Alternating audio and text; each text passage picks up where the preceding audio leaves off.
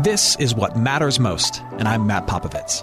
Look, life is crazier than ever, and lots of people, maybe even you, are feeling anxious and overwhelmed. Today's message is designed to help you figure out what's most important and to experience the peace and joy that God intends for you. Because life is a gift, and it shouldn't be wasted on worry. I'd like to give you a resource, something to help you navigate the road ahead. Just go to mattpopovits.com, click on the icon, and we'll send it to you. That's Matt, P-O-P-O-V-I-T-S dot com. And hey, if you happen to live in the Houston area, I'd love to see you on a Sunday morning at St. Mark in Spring Branch. Head to stmarkhouston.org to plan your visit. Here's today's message. Thanks for listening. This morning, we are continuing a teaching series called This Time Around. Uh, and the big idea is this that life is full of second chances. Every once in a while, you get another shot at your career. Every once in a while, uh, you find yourself in a new relationship. And really, you can look at every day as, as a new beginning. It's trite, but it's true. And one of the questions we often find ourselves asking is this Will this time around in work, relationship, this Wednesday, be different than the last time around? And the reason we're asking this question is because, uh, as followers of Jesus, one of many beautiful things we believe is that the work of Christ is so overwhelming that it speaks hope into our futures. That the thing Christ has done in living, dying, and rising not only pulls us up out of the grave and out of sin and into God's family, but it also speaks profound power and peace into our lives so that tomorrow can be different than yesterday. And so last week, we talked about how, in order for um, next time around, maybe to be different than last time around, we talked about how, how we must kind of own our part of the past. In Christian language, this is a conversation about repentance and receiving mercy and recognizing that we are not simply victims in situations, but that at all times there's something in us that's broken that God can touch and heal and forgive through Jesus Christ. And this week we're going to talk about how if next time around might be different than last time around, that a change in our thinking might need to take place. And again, in Christian language, this is a conversation um, about renewed minds, as the apostle and pastor Paul would put it, and a pursuit of holiness. That's what we're going to talk about this morning. Our text is Romans chapter 12, starting at verse 1. So if you have a Bible, that's one of these things, or a smartphone, that's where we're going to be this morning, and I invite you to follow along with me. The questions that people ask matter. The questions that people ask as they go through life matter. The questions that people ask reveal a lot about who they are and determine whether or not they're going to be headed in the right direction. As an example, um, if you go to the doctor and you tell your doctor that you are having chest pains, and your doctor looks at you and she says, I see, I see. Now, now tell me, exactly where is the chest? That's going to tell you a lot about your physician, right? She's not Dr. Oz, right? Um, if your doctor's bedside manner consists purely of asking you pointless questions about pop culture, right? Your doctor's examining you, listening to you, and looking at you and saying, All right, breathe in, breathe out, and tell me who your favorite Kardashian is. Like, that's not going to get him or her the information that they need in order to help you. The questions we ask tell us a lot about who we are and where we're headed. Let me offer this to you. Maybe, maybe the reason last time around keeps looking like every other time around for you is because you're asking some of the wrong questions. Maybe the reason there's a pattern of some broken behavior is because there's some broken questions that are determining that you head in a broken direction. There's a guy named Jeffrey Kluger and he just wrote this book called The Narcissist Next Door, which many people are finding fascinating. And he says that, that our culture overall suffers from what he calls a low grade obsession with self. That as a people, as a whole, uh, we are not only asking questions that are me focused, but we are obsessed with questions that are me pleasing. Uh, we are obsessed with questions like how can I get noticed? Um, how can I be the best person possible? How can I get gratified? How can I feel good? Collectively, he would argue more so than in recent history, we as a people are obsessed with this question How can I be happy? On my terms, in my ways. Now, personally, I am pro happiness. I even love the song. My daughter's obsessed with it. You know the guy Pharrell with the big top hat looks like a forest ranger? He sings that happy song. I'm pro that song. Uh, I'm pro excellence in your career. I'm a big fan of feeling good. I'm all for happy. But if you think about it, those kind of questions driving our lives, they're only good really to a degree. Because if the questions that are driving our lives are how can I get noticed? How can I be the best? How can I ensure that I'm successful? How can I be gratified? I think you'll agree with me that the answers to those questions, in the end, kind of feel shallow. And that the victories we might get from pursuing those questions are really short lived. Uh, and the, the after effects of chasing happiness, however you define it, is often unpleasant. Uh, there's the, the, the time old tale of the, the man who finds his happiness by pursuing his career. And so he pours himself into his job and he chases after happiness by getting recognition in his career only to lose his family, right? The residual effects of pursuing happiness, according to my definition, are usually unpleasant. Let me say this to you What will make me happy is a great question when trying to choose a restaurant. But from a Christian perspective, it's a horrible question to build your life on. And this is where Paul comes in. Romans chapter 12, starting at verse 1. Let me just read some of these words to you again. He says, I appeal to you, therefore, brothers and sisters, by the mercies of God to present your bodies as a living sacrifice. You live for somebody else now as a member of God's family, holy and acceptable to God, which is your spiritual worship. Here's the key phrase do not be conformed to this world. The worldview of a Christian is this. If you're here not as a Christian, here's something you need to know about what we believe. The worldview of a Christian is this that once you come to faith in Jesus Christ, and you enter God's family, that your whole life ceases to be your own. That you have been you have been, as Christians like to say, bought with the life of Jesus. And so now you're a member of God's family at the cost of Jesus Christ. And so your, your whole life belongs to Him. And the goal of the Christian life is to respond to that love by loving Him back and worshiping Him and seeking to walk in step with His ways. And, and you can see that this is at odds with kind of a me focused existence. These two things are fundamentally at odds. You can't at once live for God and constantly ask questions about yourself. Those are two things that are running in opposite directions.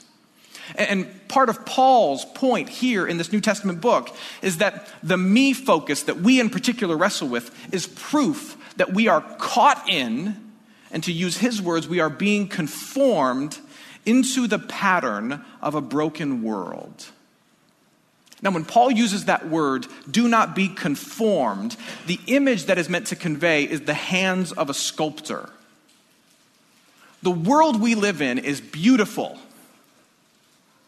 but it's broken. The world we live in is beautiful, but it's broken. It's broken because it is blind to the incredible truths of God. And yet, the world has its beautiful but broken and blind hands upon us. The hands of the world are on you, the hands of the world are on me, the hands of the world are on everybody else, and it's molding and shaping and influencing us.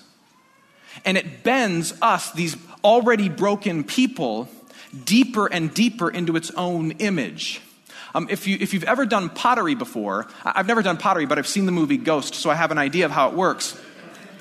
When, when, the, when the wet clay spins on the wheel, all it takes is a tiny bit of pressure on that wet clay and it starts to make a groove and turns that clay into a brand new shape. Just a little bit of pressure from an outside hand changes the whole thing. And part of the picture that, that Paul is painting here, say that five times fast.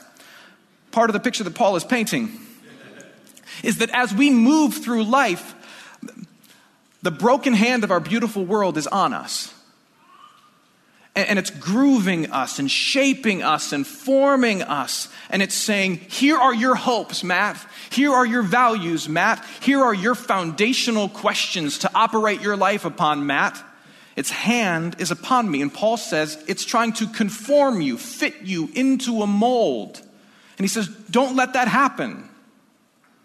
And so, life as a Christian, if you're here as a baptized follower of Jesus Christ, life as a Christian means recognizing that, oh, the, the, the, hands of a beautiful but broken and blind world are on me. And part of my job is to humbly press against that pressure and to say, no, no, no, I'm, I'm broken, we're broken. And, and my life will be better if it is shaped by his, his hands and not everybody else's? Are you willing to consider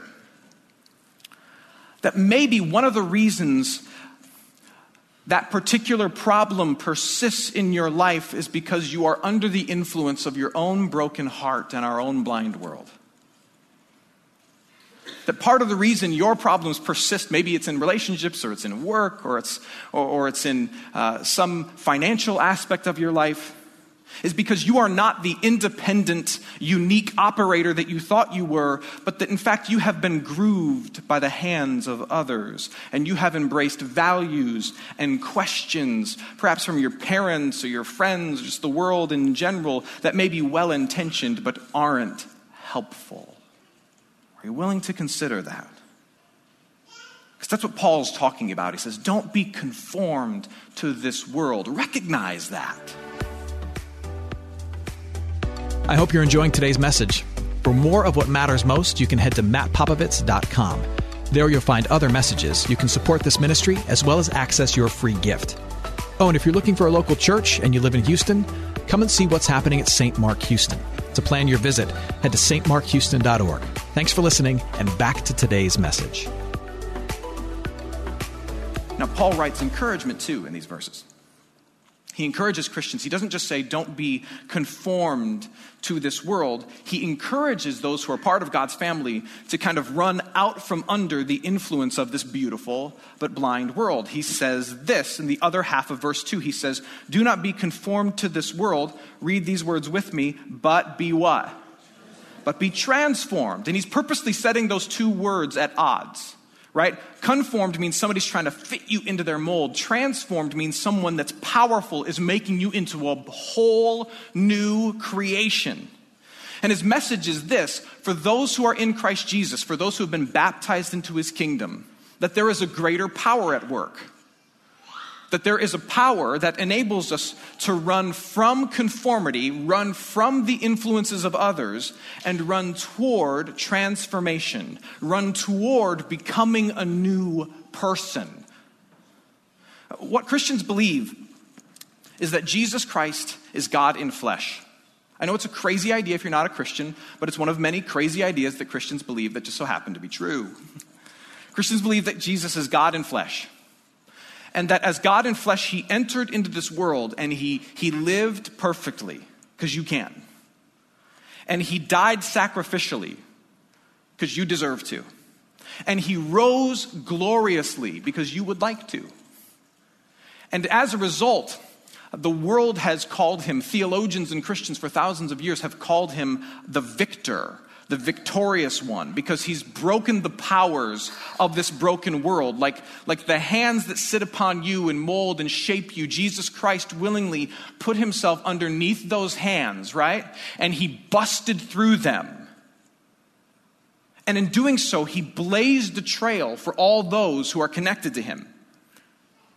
And so, those of us who come to faith in him, who are baptized into his name, who, who are attached to Jesus, his victory his victory is ours, His victory is yours. Not just the victory over sin, which kept you disconnected from the Father. I mean, that's yours. But it's not just the victory over death, which is going to keep you locked in the grave. That's yours too. But He gives us the victory over conformity to empty things. And He frees us to pursue the beautiful things of God.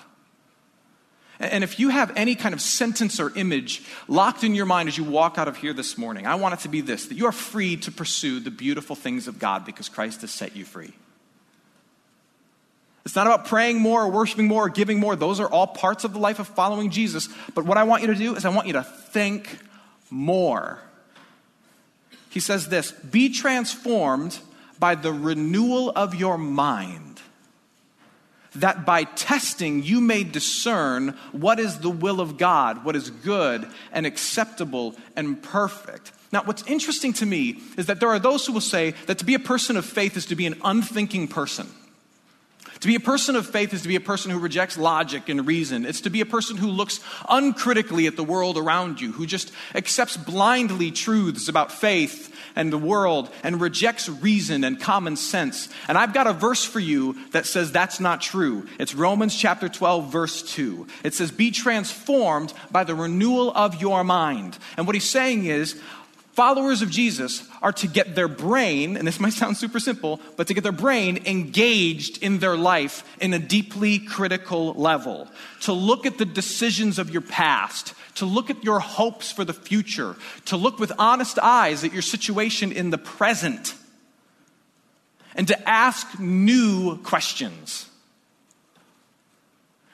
and to understand that the questions that I've been given, the questions that I've come up with, the questions of the friends around me aren't necessarily the questions God wants me to be asking about my past, about my future, or about my present. You are, if you're a Christian, you are here as a baptized, beloved, and brand new person, and the Holy Spirit lives in you. And you are now empowered to think critically about your existence. And Paul says, How do we think critically? He says, You are to seek and wonder what is the will of God. Your operational question is this What is the will of God? What is good? As I look at this new relationship, what is good? As I look at this new opportunity at work, what is acceptable? As I look at this new season with my kids and I want it to be different, what is perfect? What does it mean to mimic the greatness of God instead of to repeat the pains of my past? And instead of orienting all of my decisions about who I want to be, instead of orienting all my decisions around trying to become the most beloved or the most successful or mom of the year or funniest guy in the room, I orient my big life questions around who God is and who He has desired me to be through Jesus Christ. So consider this. What if you swapped out the question of what will make me happy with a new question altogether. What if rather than ask, what will make me happy in every scenario, you ask this question? And it's a scary one, you may not want to ask it. You ask this question What will make me holy? Because God, who loves you, He cares far more about your holiness than your happiness. What's interesting to me is that Christianity isn't the only faith that encourages followers to question the cultural assumptions around them and to move towards a new way of living. Christianity is not the only faith that says, hey, use a new set of questions and pursue holiness as our framework defines it. But what's interesting to me is that Christianity is the only faith that makes it safe and logical and joyful to do so. Christianity is the only faith that makes it safe, logical, and joyful for you to say, okay, Lord, what is your will? Instead of give me what I want. Christianity is the only one that makes it safe because it's the only faith that says God has sent Himself, He has sent His Son into our world and clearly demonstrated His goodness in doing so. God is trustworthy because he sent his son into this world. If Christ had not entered the world and done what Christ had done, I would say to you that you have no objective reason to trust the goodness of God. But he sent his son into this world, and you do have a reason to trust the goodness of God. He sent his son to live here, to die here, to rise here. He's good to you here, so you can trust him. He's made it safe. Likewise, if Christ has come in the flesh and he has died and he has risen, as history says he has, he has done what no one else has ever done. You don't know anybody else who has said, Hey, I'm going to die and rise again. I'm going to die and rise again. I'm going to die and rise again. And then guess what? Dies and rises again. If you do, you should follow them. But you don't know anybody else who's done that. Buddha hasn't done that. Muhammad hasn't done that. Confucius didn't do that. Only Jesus did that. Which means it is logical to abandon all of your presuppositions, all of your questions, and to take on his questions and his truth. Because to do anything else would be to follow a lesser, even if that lesser is you. And third, he makes it joyful because asking the question, Lord, what is your will, is an all grace proposition. It's an all grace scenario because you're standing with God. Like, are we all good? Your true success as a human being, your forgiveness in God's mind is contingent upon the holiness and the life and the death of Jesus, not on your holiness and your goodness you get to pursue a new way of living the next time around because you already have God's forgiveness and His grace and His love and His mercy this time around, right now. You have nothing to lose by asking that question. You have nothing to lose by asking the question, Lord, what is your will? Instead of what do I want? Because you are secure. If the worst thing possible happens, the God of the universe is going to raise you up on the last day, call you beloved, and enter you into his kingdom, at which point the failures of a Tuesday afternoon in New York City will fade in a flash and won't matter at all. So, what do you have to lose?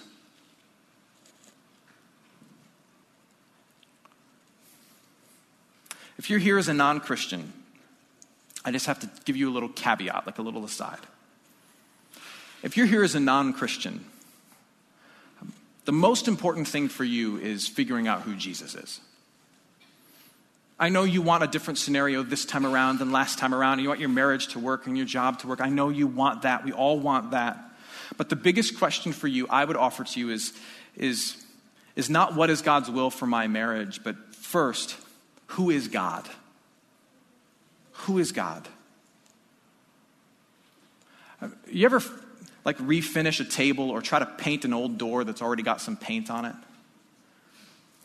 When you try to do that, if you just slap a new coat of finish or a new coat of paint on top of the old without dealing with what's on underneath, what happens to your new paint eventually? It all peels off, right? You see, I can give you a new set of questions to ask, and I can give you, you know, five easy steps to a better life. I can, I can tell you to ask what God's will is, but that new approach to life ultimately for you will just peel off and flake away, and the same old you will be standing there unless you meet Jesus and you know Jesus and you receive the mercy and the grace of Jesus and you deal with what's in you and on you already. You receive the mercy and the grace, and then you ask. Then you ask, after you've received love, then you ask, what does it mean to live for Him? For the rest of us, I just want to remind you as we close that questions matter. As you head into the next thing at work or the next thing in your relationships, the questions you ask matter. It tells you a lot about who you are and where you're going to be headed. You are not the independent operator pursuing happiness however you define it. You live in a world that conforms with questions that don't satisfy. But the good news is that you are also a forgiven, freed, and beloved, baptized child of God who has been set free to chase after transformation by the grace of God, to ask new questions like, what is your will? If we want different results next time, we need to ask different questions than last time. And by the grace of God through Jesus Christ, we're able to do just that. Amen. Hey, it's Matt. I hope you enjoyed what matters most. Here's what I need you to know life is a gift, and it shouldn't be wasted on worry. I want to help you figure out what's most important and to experience the peace and joy that God intends for you. So, for more content, you can head to mattpopovits.com. That's Matt, P O P O V I T S.com. There, you can also support this ministry as well as access your free resource, a little something to help you navigate the road ahead. I'd also love to see you on a Sunday morning. If you're in the Houston area, head to stmarkhouston.org to plan your visit. In the meantime, hit me up on Instagram at mpopovits or at facebook.com slash Matt Popovits Ministries. Thanks for listening. Now go and hold tight to what matters most.